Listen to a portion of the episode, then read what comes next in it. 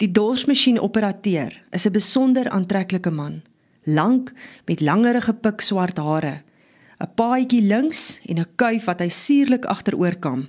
Netjies 'n streepie snor. Goed gebou. Sterk voorarms wat onder die opgerolde moue van sy swart hemp uitsteek. Die kraag in die nek opgeslaan. 'n Suggestiewe meermin op sy linkerboarm getatoeëer. Hy het die gewoonte om elke nou en dan sy regterkantste nekspier te trek, dan ruk sy mond ook saam daarmee. Netjies se kerel. Miskien net te netjies vir 'n dorsmasjien, het Henny Duisel gistermiddag vir Hanna gesê. 'n Mooi man, het Hanna geantwoord. Het jy gesien hoe netjies sy hare gekam?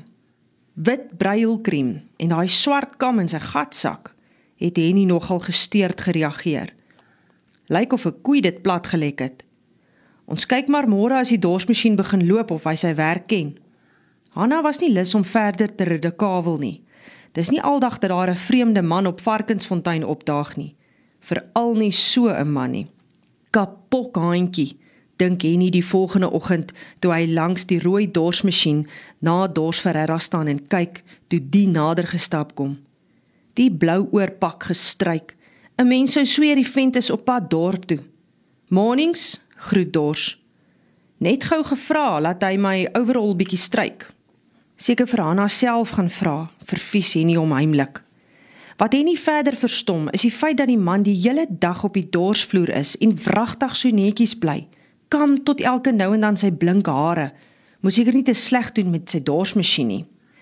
Middag meneer Duisel. Groet dors toe hy na middagete terugkom op die dorsvloer. Middag dors. Die man ken nog sy plek ook. Weet wie die baas van die plaas is. 'n Boer moenie te eie raak met mense wat vir hom werk nie. Kom kom kom.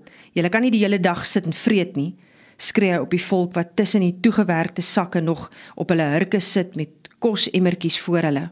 Julle raak agter by die oesters. Ek ry lande toe, sê hy vir Dors. Mens moet die spul al ewig dophou. Wonder juis waar draai die wa en trekker. Draal weer in die lande rond en gesels. Plas hulle die oesvroue uitlos en die sakke koppe bring. Mens kan die goed nie eers sonder toesig land toe stuur nie. Henny bly stil toe hy sien Dors luister nie. Hy kyk by hom wat Henny is verby. Henny kyk om. Van die bywonershuis af kom die drie arm duiseltjies in die voetpad nader. Kom speel seker weer op die mielieblare. Al het ek hulle dit verbied, sê Henny. Dis maar kinders, sê Dors. Speel in die dag op die dorsvloer en chunk vanaand as ma kersvet en parafin aansmeer wanneer hulle klaar gewas is. Hulle was nooit. Henny kyk na die kinders wat opsigtelik skoorvoetend naderkom. Hulle is al ewig in die pad.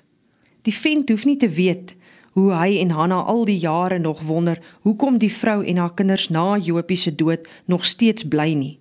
Sy maak keer elke keer as hy Cathy en haar gespuis van Varkensfontein af wil wegjaag. En sy pa sê ook maar niks. Vandat die twee oues oorgetrek het na Twisnit se huis, is dit al asof pa Hendrik belangstelling in die boerdery verloor het. Henny sien hoe dors na die drie kinders kyk. Die twee meisiekinders in hulle verslete wit rokkies, hare wat soos gewoonlik woes staan.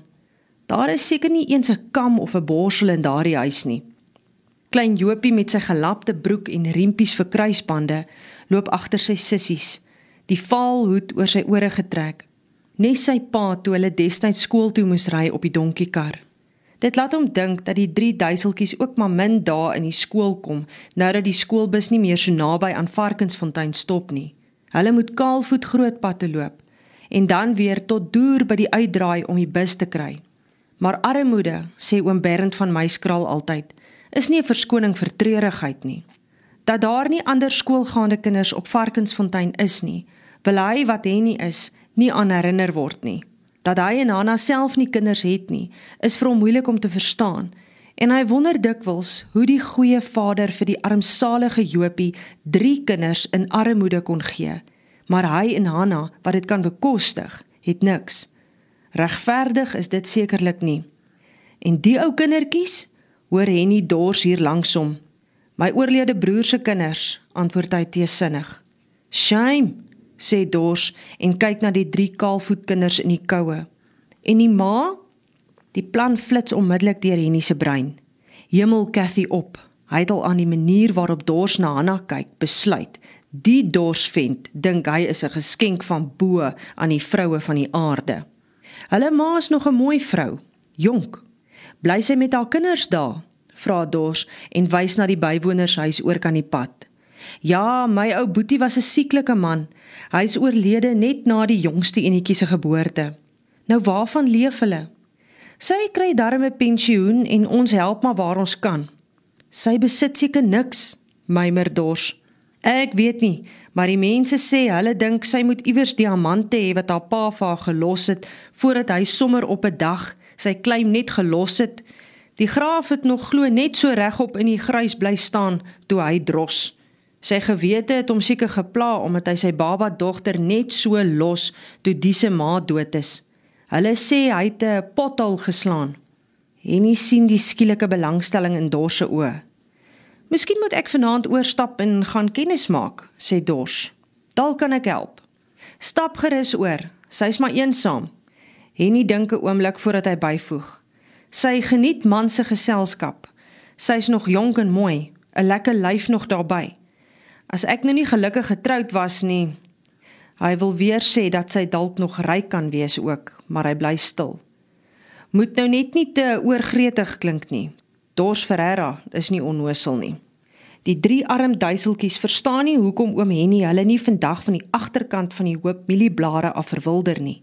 Hy skree eerder op die volk wat weer in die lande met die oesvroue kerjakker terwyl die dorsmasjien op die vloer moet staan en wag.